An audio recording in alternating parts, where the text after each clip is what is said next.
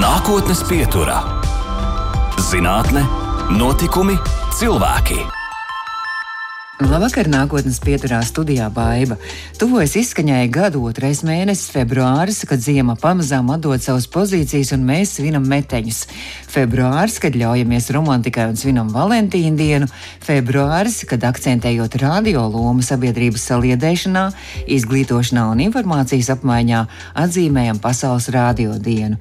Bet bez tam šomēnes Latvijā tiek īpaša uzmanība pievērsta retajām slimībām, un lai par tām informētu, minētu norisinās reto slimību dienas. Pasaulē sastopams ap 6 līdz 8 tūkstoši dažādu reto slimību, ar kurām Eiropā sirgst aptuveni 30 miljonu cilvēku, bet pasaulē to skaits sasniedz pat 300 miljonus.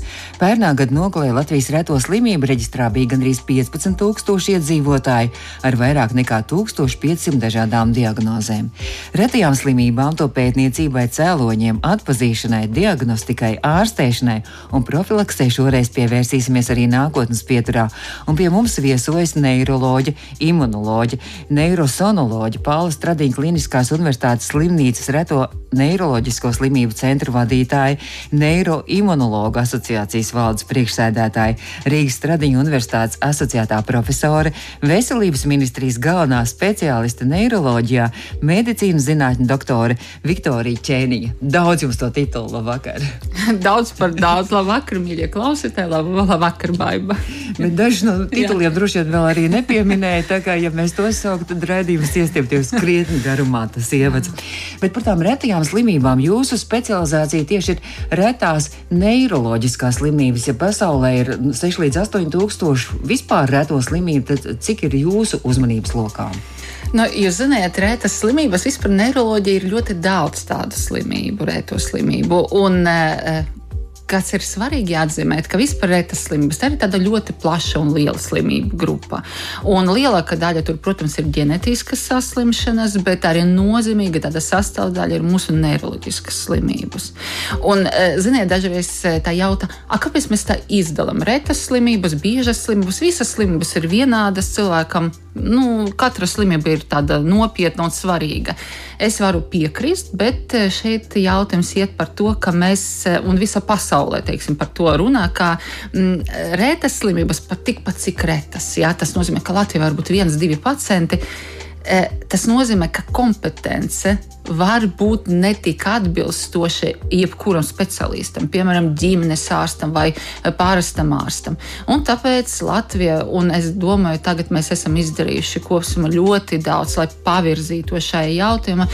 Reto slimu pacientu aprūpe uzlabojas, un mēs atpazīstam šīs slimības, kas ir ļoti svarīgi mēs viņam varam diagnosticēt, pierādīt, ja, un pat atsevišķos gadījumos varam piedāvāt ļoti efektīvu terapiju. Un tas priecē gan mūsu speciālistus, gan, es domāju, mūsu pacientus. Bet kā šīs, piemēram, no ģimenes ārstam, kā viņam atpazīt šīs retās neiroloģiskās slimības un kā viņam zināt, ka tieši pie jums ir jāsūta?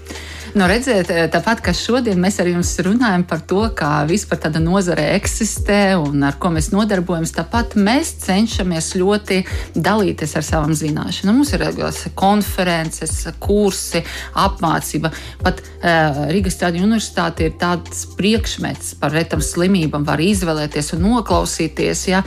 Un es domāju, tas viss ir tas, kas kopsumma tur izplata tas zināšanas, un cilvēks, ja viņš dzird kaut ko regulāri, ja, tad viņam viņam nu, kaut kur smadzenes tas ierakstas un paliek, ka jā, šī ir reta slimība, un jā, es par to dzirdēju tur. Tas nozīmē, ka tas ceļš varētu būt tieši tur, kur es dzirdēju par to. Nu, tas ir tā. Nav noslēpums, ka arī pacienti paši sev mēdz uzstādīt diagnozes. Tā, nu, tieši tā, tas ir tas mīļākais man, ka tie pacienti, viņi mums ir inteliģenti, tik advancēti, ka dažreiz tu klausies un tu domā, ka viņš var konkurēt ar tevi, cik viņš daudz zina par savu slimību. Ka tu kā ārsts, un tas ir skaidrs, tu par to mācījies. Ja? Bet pacients, nu, tas ir tiešām viņš tur, kā var teikt, tur izlasījis tik daudz un zina tik daudz, ka es dažreiz domāju, ka es runāju ar kolēģi, nevis ar pacientu.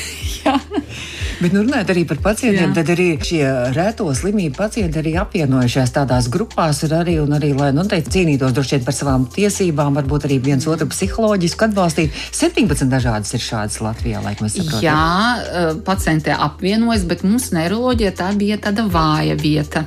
Un eh, es tad eh, varu tad priecīgi paziņot, ka mums izveidojas pirmā tāda nozīmīga neiroloģiska grupa, tas ir miestēnies pacientu grupa.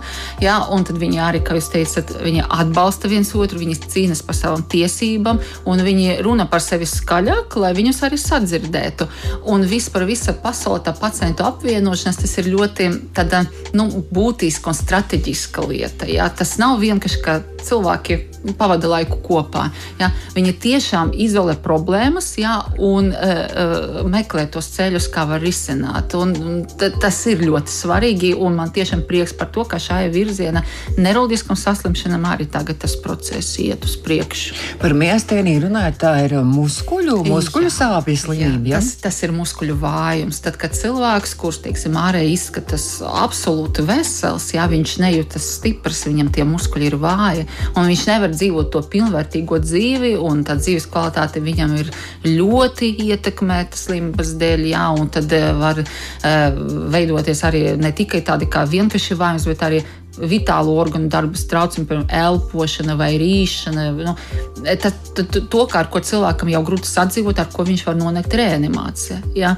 Un man prieks, ka tie pacienti tagad ir kopā. Viņi cīnās par labāku terapiju, par labāko aprūpi, viņi atbalsta viens otru, jā, un, un, un, un tā ir ārstēma slimība pats galvenais. Jā, tad tādiem pacientiem vieglāk apvienoties, jo viņi zina, kāpēc viņi to dara. Viņi cīnās par savu dzīves kvalitāti. Runājot par šīm retajām neiroloģiskajām slimībām, varbūt jūs vēl kāds piemērs varat minēt, kas vēl tāds varētu būt izplatītākās, lai arī retas tomēr. Jā, nu, tas ir piemēram visas pārmantotas neiropātijas. Jā, tas ir, tas ir kāju, roku, tādas saslimšanas, jā, kas ir pārmantots, ka nervi nav eh, tādi veseli, jā, un cilvēks to jūt kā vājumu rokas kājas. Ar tā, tāda ir liela pacientu grupa Latvijā, kur arī šobrīd ir tāda apzināta, un mēs cenšamies arī viņam palīdzēt. Kaut tur nav specifiskas terapijas, bet dažreiz arī rehabilitācija un tāda eh, aprūpe kvalitatīva var uzlabot dzīves kvalitāti. Jā. Es saprotu, ka neiropātija vēl tur vēl apakšvirziena, polineiropātija. Nu, tas ir, jā, es tā nosaucu, jā, jā bet polineiropātija būtu pareizi nosaukums. Jā, jo redziet, jūs arī pareizi sakat. jā, un jā. vēl es lasīju arī, ka ir perifērā neiropātija un mononeiropātija arī. Jā, jā tā, kad, nu, tad, kad viens nervs kā vairāki nervis kārti, jā, bet, bet, bet tie pacienti, kuri slimo šīs slimības, viņi ļoti labi saprot, par ko es runāju, jo, jo kad tu esi iekšā, tu jau sāki orientēties perfekti. Bet kā atpazīt jā. šīs slimības, kā viņas diagnosticēt, un, piemēram, vai šīs slimības rodās un mm, pastiprinās sācinājums slimības dzīves gaitā, vai tas jau, jau ir kopš dzimšanas, kopš mazotnes, vai kaut kāda iemesla ir? Tas ir ļoti individuāli, kā kuram. Pat, eh, ziniet, slimi, tās slimības, kuras ir pārmantotas, ja, nevienmēr izpaužas no pašas bērnības. Te varbūt līdz 40 gadiem tu biji vesels, ja, un tad sākas kaut kādas problēmas. Un vēl ne visas slimības izpaužas katra paudzē. Ja? Tas dažreiz jautā, vai jums ģimene ir tādi slimnieki? Nē, man visi ir veseli, bet vienkārši tās slimības pārmantošanas tips nav tāds. Ja? Un līdz ar to es domāju, ka, protams, kā pirmā pietura jebkuram pacientam, tas ir ģimenes ārsti. Ja?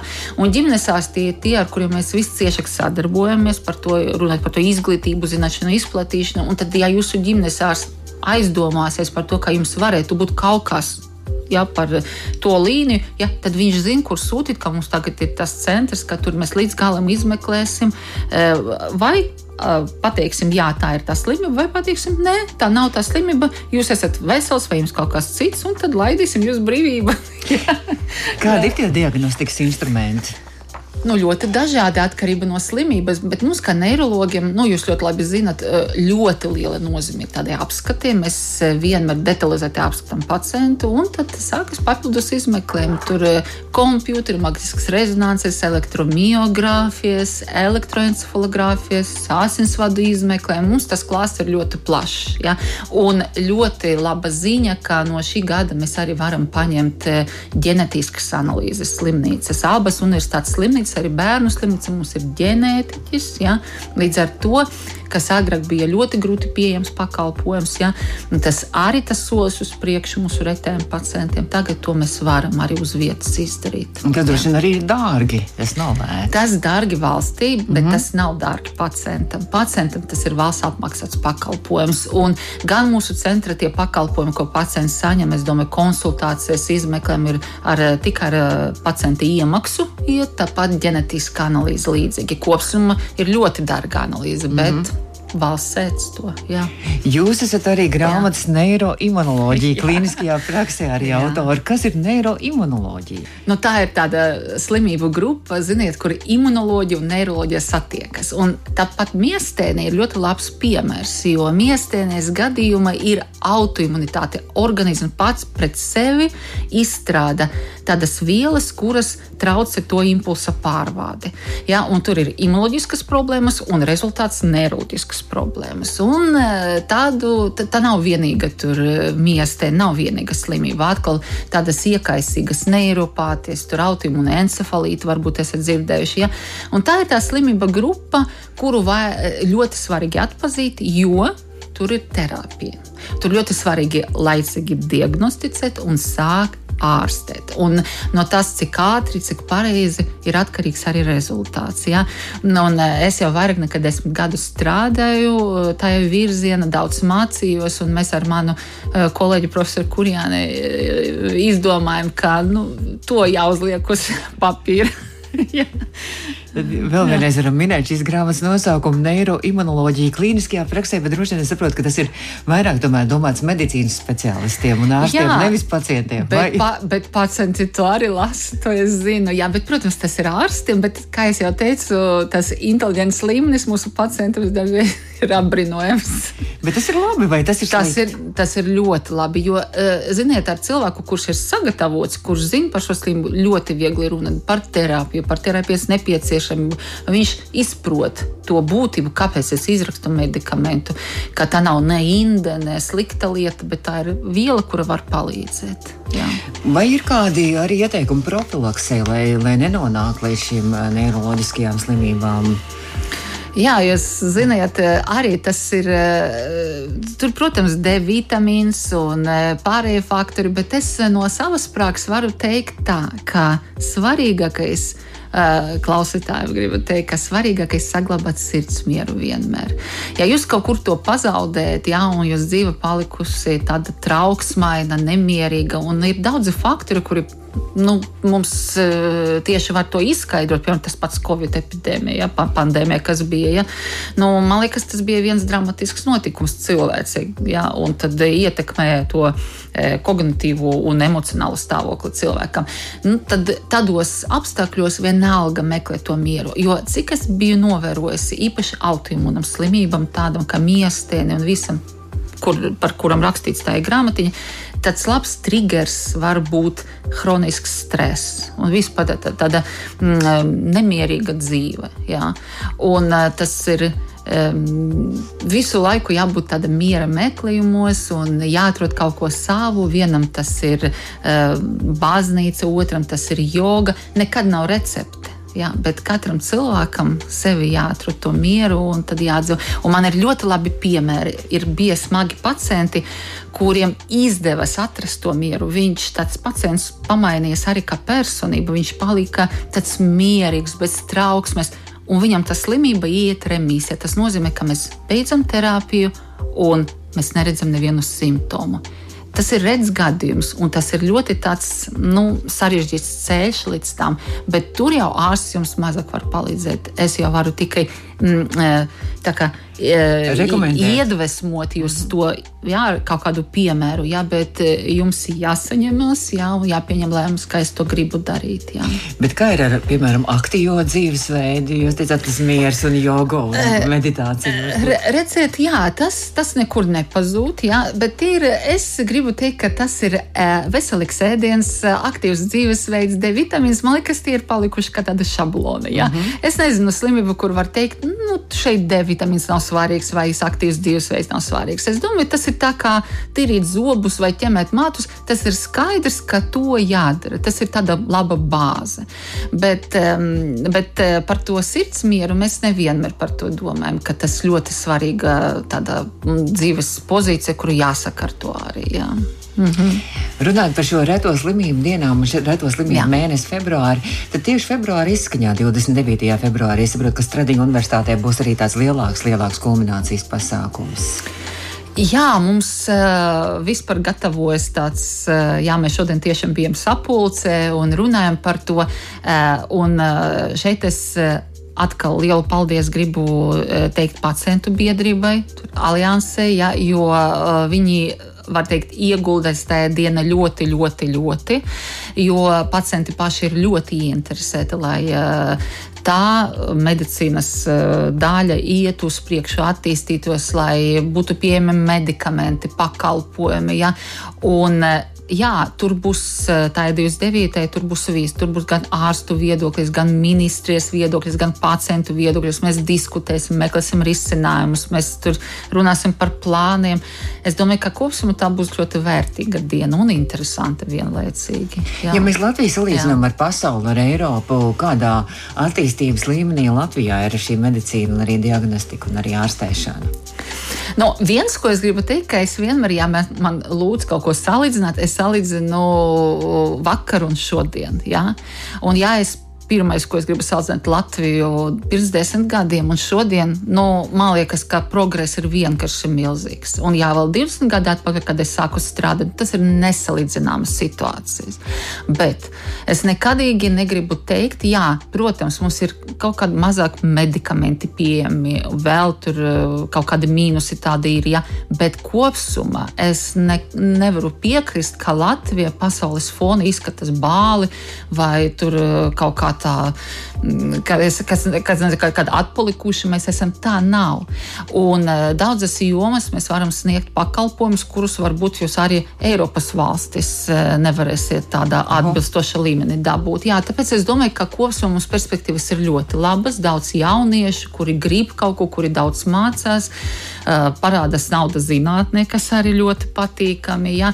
Bet, protams, pakāpeniski es domāju ar tiem medikamentiem, kas ir viens ļoti ļoti uh, svarīgs punkts tajā aprūpē. Tu nevari, tu vari saprast, eh, vai zināt, ka es gribu ārstēt ar to, bet ja tev nav medikaments, nu kā tu to vari īstenot? Ja? Īpaši, ja mēs par onkoloģiju runājam, ja? Jā, tas ir tas, kur mums jāpiestrādā, bet kopumā es. Man, man nav kauns teikt, ka kaut kāda konference, ka es esmu no Latvijas. jā. jā, tas ir brīnišķīgi. No, jā. Mēs turpināsim sarunu pēc brīža neiroloģija, imunoloģija, neirosonoloģija. Paula Stradīna Kliniskās Universitātes slimnīcas reto neiroloģisko slimību centru vadītāja, neiroimunologa asociācijas valdes priekšsēdētāja, medicīnas zinātņu doktora Viktorija Čēniņa šobrīd ir mūsu studijā, arī Stradīna Universitātes asociētā profesore. Nākotnes pieturā.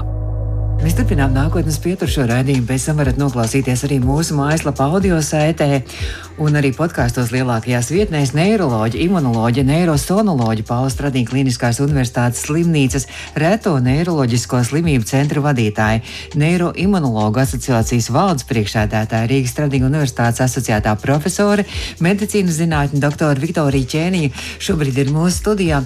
Jūs esat neiroloģi, bet jums arī visai bieži vaicā arī dažādas konsultācijas un arī jūsu viedokli par citām slimībām, arī tur demenci un, un piemēram, arī par uh, longu covid, kas šobrīd arī laikam ir diezgan izplatīts, un droši vien arī tās covid sekas joprojām mēs jau minējām, arī mm. joprojām sabiedrībā arī virmo par demenci. Jums tieši nesen bija arī uh, izplatīts arī jūsu raksts par demenci. Kas ir demence? Demence tā ir tā lieta, no kuras visi baidas, manuprāt. Jā. Varbūt neviens īsti nezina, kas tas ir, kamēr nesastopas. Es izlasīju jūsu rakstu, jā, teicu, godīgi, es arī nobijos. Es arī no, nē, nu, tas nav nekas patīkams, jā, bet tas ir tad, kad cilvēka kognitīvas spējas izteikti samazinās. Mēs neviens nezinām, ka tas cilvēks uh, jūtas iekšēji, kad viņš, ir, uh, ka viņš nevar ekspresēt to, ko viņš jūt, to, ko viņš saprot vai nesaprot, bet ārēji viņš pārsteig komunicēt ar šo pasauli tāda sava līmeni, kura viņš ir bijis pirms slimības. Un kāds tur ir iemesls? Nu, redziet, tur ir tā lieta, ja mēs runājam par to biežāko veidu, Alzheimera slimību, kā mēs zinām, ka visa pasaule meklē to iemeslu. Un, diemžēl tas, ka tas neirodeģeneratīva saslimšana, ko tas nozīmē, ka šūnas iet bojā viena aiz otras, un mēs nevaram saprast iemeslu. Tas ir process, kurš tiek palaists un kurš turpinās. Un galvenais, ka mēs meklējam dažādus medikamentus. Liekas, ka mēs atradam ceļu, mēs viņu nobloķēsim, šūnā izdzīvos bet tā tas nav. Tad šūnā atrod citu ceļu, kā aiziet bojā. Tāpēc Alzheimera slimība ar vien jauniem, jauni pētījumi, jauni medikamenti un joprojām nu, tāda efektīva līdzekļa, es gribu teikt, ka nav. Tāpēc mums laicīgi jāsaka domāt, lai. Profilakse. Nu, redziet, tur uh, var teikt ne profilakse, bet ir tādas lietas, kad attālinā kaut ko. Ja? Piemēram, standarti tev varbūt sāktos tā slimība 70 gados, ja? bet tu dari visu, lai viņa tev sāktos piemēram 7, 8 gados, a varbūt tava dzīve jau ir beigusies, un tie astoņi gadi nodzīvoti pilnvērtīgi, nevis ar to demenci, kas attīstas. Un tiek pierādīts, ka attālināt šo slimību gan var. Jā. Un nu, tad tā recepte, nu, tad, jā, nu, tā recepte, ja viņa ir šausmīgi interesanta, jo jebkurš mums pateiks, jā, tur jāskrien, tur jāvingro, jāiet un tā tālāk. Un redziet, kā Tas viss ir pareizi, ka es teicu, tā ir bāze. Un tā ir bāze, uz kura pamata jūs varat justies arī fiziski labāk. Tā, bet ir kole, kolēģi, saku, ir e, cienījamie klausītāji, pierādīts tas, ka neviens no tā, ko es nosaucu, nestrādā tik labi kā profilakse, diemžēl. Jums var būt labāka plecs lodstāva nu, kustēsies, ja, bet uz demenci tas ļoti nosacīti ietekmēs. Bet Eh, vienīgais, kas ļoti pozitīvi, kā mēs sakām, korelē ar to eh, demences attālināšanu, tas ir eh, izglītība. Jā, un jo vairāk cilvēks mācās, kāpēc iesaka mācīties jaunu valodu, mācīties instrumentu, mācīties specialitāti. Tas nekas, ka tev ir 50. Ja? Tev patīk, piemēram, kaut kāda tur, tu ieskaties, man tur kaut kas patīk. Ej un mācies, ej uz tiem kursiem. Jā, tu būsi tur vecākais, tā, bet tu mēģināsi apgūt jaunu. Un tad, kad pētīja, kas ir tie cilvēki, kuriem e, 80 gados tas prāts ir kā 40 gadīgiem, kas viņus atšķir no tiem, kuriem 80 gados ir kā 80 gados tas prāts atšķir izglītība, pavadītie gadi. Krietni garāki ir tiem, uh, kuri izskatās 8 gadus kā 40 gadīgi cilvēki. Ne ārēji, diemžēl, jā, bet kognitīvi. Jā. Tas nozīmē, ka ne jau tie diplomi izglītības, bet, bet vienkārši kaut ko jaunu mācīties, kāda kursi vai, vai jā, pašmācības jā, tā, datoru kaut vai. Datoru, jā, tā interese, nomainiet telefonu. Nu, paņemiet jūs jaunāku un mēģiniet tur integrēties. Ja paņemiet kādu programmu, kaut kādu statistikas programmu, jums varbūt nenoderēs, varbūt jums otrādi kaut kas interesē, jauna spēle, jauna valoda. Un es saku, tas ir pierādīts ceļš. Tas nav tāds formāls, ja, bet tas ir pierādīts ceļš, ka jūs varat ticami palēnināt un attālināt. Un tad ir ļoti lielas iespējas, jo Alzheimer slimība lielākajai daļai tas ir, mm, diemžēl, nu, teiksim, vecu cilvēku slimība. Tas nozīmē, ka cilvēks slim pēc 70, 80 gadiem. Un padomājiet, ja jūs sev varat saglabāt vēl 10 gadus, nu, man liekas, tas ir fantastiski. Domāju, jūs iepriecināt mūsu klausītājus ar Jā. šiem ieteikumiem un zelta vērtiem padomiem. Jā. Bet uh, runājot par uh, Covid, tad Covid sekas joprojām mēs izjūtam arī Covid slimības sekas. Arī, mm, uh, izjūtam un redziet, kas pamainījies. Covid laikā es teikšu, ka situācija bija ļoti traģiska, jo uh, slāņojas divas lietas, kuras ļoti grūti bija atšķirt. Tas ir psihoemocionāls, tas ir stress, kad cilvēks vienkārši, nu tas jūs atceraties, kā bija situācija, ka mēs sēdējām mājās un tā. Un otrs, tas ir reāls simptomi, kas tev parādās pēc tās slimības. Ja? Un tas tu kā ārsts bieži vien nevari atšķirt, kas cilvēkam ir no uztraukuma, kas cilvēkam ir no covid. Ja?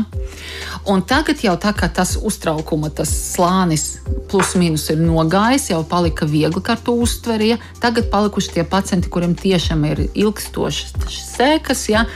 Un, diemžēl, ka visam pandēmijas pētījumu mās, ja?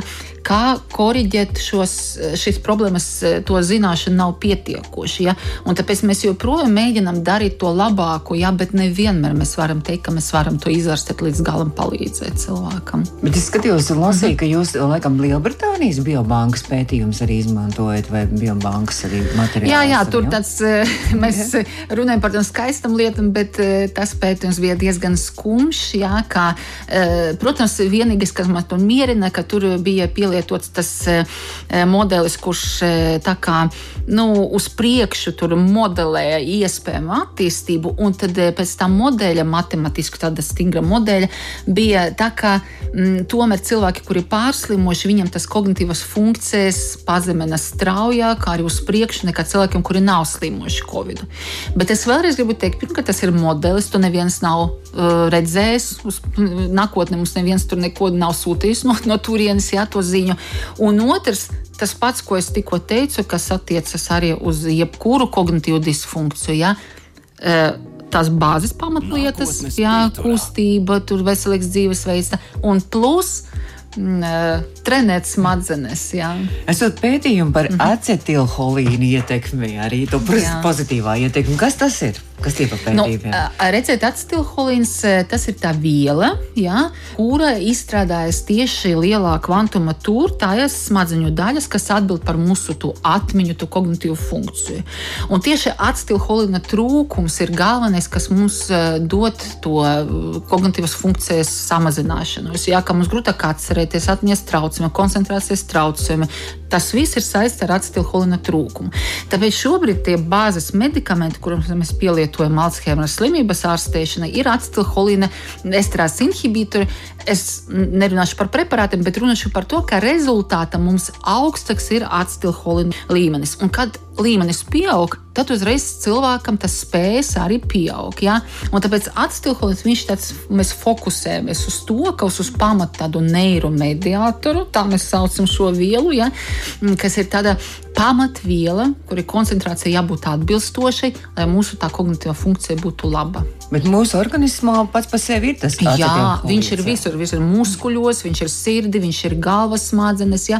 Bet tā kā tā deģenerācija, kā es teicu, šūna iet bojā, tad viņa nav spējīga ne uztvert, ne izstrādāt. Un tad mums jāpalielina mākslīgi tur tā lieta. Jā. Un dabīgi tā atkal tā pati recepte, tā pati izglītība. Absolūti. Tur, tur, tur, arī, tur arī tas kustības dēļ aktīvas, jā, sports dēļ un tā dieta dēļ, bet es vienalga tā trenēšana, runāšanas, atkārtošana, dzējoliši, tas palīdz vislabāk. Brīnišķīgi. Mēs turpināsim sarunu pēc brīža. Mūsu studijas viesiņa ir neiroloģija, imunoloģija, neirosonoloģija, Paula Stradiņa Kliniskās Universitātes slimnīcas reto neiroloģisko slimību centra vadītāja, medicīnas zinātņu doktora Viktorija Ķēniņa. Nākotnes pieturā - zinātne, notikumi, cilvēki. Mēs turpinām nākotnes pieturu, nu jau redzījuma noslēdzošā daļa ir pienākusi un neiroloģija, imunoloģija, neirosonoloģija Paula Stradīna Kliniskās Universitātes slimnīcas reto neiroloģisko slimību centra vadītāja Neiroimunologa asociācijas valdes priekšsēdētāja, arī Rīgas Stradīna Universitātes asociētā profesora medicīnas zinātņu doktore Viktorija Ķēniņa šobrīd ir mūsu studijā. Un man ir jāpavaicā, kā jūs izvēlējāties tik uh, grūtu, tik sarežģītu, bet droši vien arī tik ļoti vajadzīgu un cilvēkiem noderīgu arī profesiju. Kā jūs tas ceļš medicīnā un medicīnas zinātnē, kā tas sākās viss? Es pat par to sākumu, ka par iedzimtam slimībām neko nevaru teikt. Man liekas, ar to es piedzimu. Vismaz man tā liekas, jo redziet, kā mēs vēl ar mammu kaut kur pirmajā klasē rakstījām sacerējumus par to specialitāti, tavu profesiju, un mēs rakstījām par to medicīnu. Un es jau tagad nevaru atšķirt, cik liela mēra mana mamma bija pie vainas. Jo, jo man tagad jau liekas, ka es pati to esmu izdomājusi. Jā, bet kopš mēs no pašas bērnības tas jau bija skaidrs. Ka... Bet jums patika, ka lēlēm tur špricēja? Ne, es nevienam neko nešpricēju. Es vienkārši zināju, ka es būšu doktora. Un, un mēs, nu, es, es nezinu, tas man kaut kā bija. Nē, man nebija tādas spēles, kaut kādas specifiskas. Vienkārši tā, un tad skolē es jau biju tāda ļoti orientēta uz medicīnu. Es uh, gāju uz tiem priekšmetiem, es interesējos par to, kas ir saistīts ar medicīnu. Tā kaut kā tāda dabīga veida, bet, protams, uh, manas mammas šo, šobrīd jau nav, diemžēl. Bet, uh, Es esmu doktore, droši vien pateicoties viņai. Viņa ļoti daudz tur ieguldīja. Nu, es tā varu teikt. Jā. Bet no neiroloģija, kāpēc jūs izvēlēties tieši neiroloģiju? Nu, redz, par neiroloģiju tas ir ļoti interesants stāsts. Es eh, ļoti sapņoju būt par kardiologu. Man tas bija sapnis. Un visas pēdējās kursus es nodzīvoju kardioloģijas nodaļās, eh, jā, un es tur visas zinātniskie darbi bija par kardioloģiju. Jā. Un tad es eh, gāju uz to iestāšanās eksāmenu, un kardiologi teikuši, ka viņi mani neņems. Jā, tā. Nu, tā jā. Kāpēc? Nē, nu, tur bija kaut kādi punkti, kaut kādi skaiti. Nu, es tur tā. Un tad es padomāju, ka es um, otrais, par ko es nebiju sapņojusi, ja, bet um, man bija pasniedzēja docents Smeltere, kurai es varu teikt, iemīlējusi. Viņa bija inteliģenta, viņa bija smuka, viņa bija tāda neiroloģija. Un man priekšstats par neiroloģiju bija tas ir tādu inteliģentu cilvēku specialitāte. Un es domāju, labi, man tā kardioloģija mēģināšu, un tur mani paņēma redziet, un, tad, un tagad es nevaru iedomāties, ko es tur darītu tajā kardioloģijā. Man liekas, neiroloģija tas ir visa mana dzīve. Bet, man liekas, ka arī jūsu profesija, tas, ko jūs teicāt, ka visu laiku ir jāmācās un jāizglītojas, ka tieši jūsu profesija jau to arī visu laiku mudina. Nē, no, nu, redziet, es gribu teikt, ka Dievs visu redz un viss bija sakārtots. Tā kā, jo, kad es netiku, es arī padomāju, kā tā es netiku. Jā, nu, bet redziet, kā.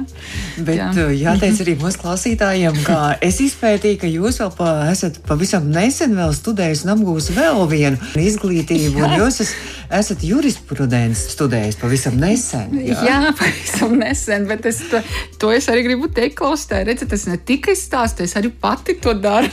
Es kaut ko mēģinu darīt lietas labi. Bet patiesībā jurisprudents tas ir vairāk bija par to, nu, kaut kādu tādu labu sajūtu darba vieta, jo redzēt, kā tagad mēs strādājam ar cilvēkiem, jā, mēs ne, veicam, nezinu, kādas manipulācijas, mēs, un eh, nezinot visus juridiskus aspektus, kā tu strādā kā ārsts, kādas tev ir tiesības, kādas pacientam ir tiesības, kādi ir pienākumi. Ja?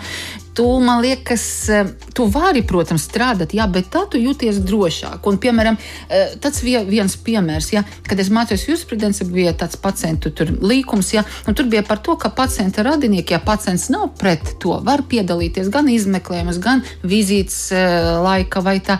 Un man vienmēr liekas, ka ārsts nosaka, kurš manā vizītes laikā var nākt kopā ar pacientu. À, īstenībā tā ir pacienta izvēle. Ja viņam ir drošāk, piemēram, ar mammu vai ar brāli, nu, tad tas brālis var arī nākt līdzi. Ja? Mm -hmm. Un šīs de detaļas varbūt var teikt, ka viņas nav svarīgas. Viņas ļoti svarīgas. Ja? Ka tu respektē, tu dari pareizi, un tad eh, rezultāti gan tavs pacients apmierināts, gan tu jūties droši ar to visu. Droši vien arī mm -hmm. ļoti tagad ir pēdējā laikā ir īpaši būtiski arī personu personas datu arī aizsardzība, kas droši vien jā, tas arī, jā, tas jā? arī ļoti svarīgs jautājums, īpaši pētniecība. Jā, tur, tur ļoti daudz aspektu. Es tikai to mazu tādu primitīvu daļu izstāstīju. Jā. Vai tagad vēl kaut kas jums ir padomā, ko jūs vēl studēsiet un mācīsieties? Nē, redziet, es, nu, es tagad man ir, jā, es tagad pieķeros statistiku, tāpēc es pieminēju, es gribu tā iedziļināties, lai būtu tāds matemātiķis, kurš dabūja kaut kādus rezultātus savā pētniecībā, arī pats var saskaitīt visu apskatīt. Jā. Tas ir sarežģīti. Jā. Jā, Īpaši eh, es, man jau nav 20, jā, tas ir sarežģīti, bet es daru visu, ko es varu. Tāda matemātika un statistika tagad jā, ir jūsu uzmanības jā. centrā. Nu, tas ir tā, kad, kad ir laiciņš, es to cenšos visu laiku darīt un uzlabot šīs iemaņas. Jā. Mhm. Man paldies, jāsaka, ka jūs atradāt laiku arī mūsu Latvijas Rādio divu klausītājiem un nākotnes pieturai neiroloģi, imunoloģi, neirosonoloģi, Pāvils Stradīga Kliniskās universitātes slimnīcas reto slimību, reto neiroloģisko slimību centra vadītāja, neiroimunologa asociācijas valdes priekšēdētāja Rīgas Stradīga universitātes asociētā profesora, medicīnas zinātņu doktora doktora Viktorija Ķēniņa šobrīd mūsu studijā. Jāpiebilst arī, ka praktizējoši arī ārsti joprojām. Jā, papildus vēl visam. Jā. Jā. Man jāsaka liels paldies, ka jūs tiešām izbrīvējāt un atradāt laiku šim redzējumam. Paldies! Izskan nākotnes pieturā.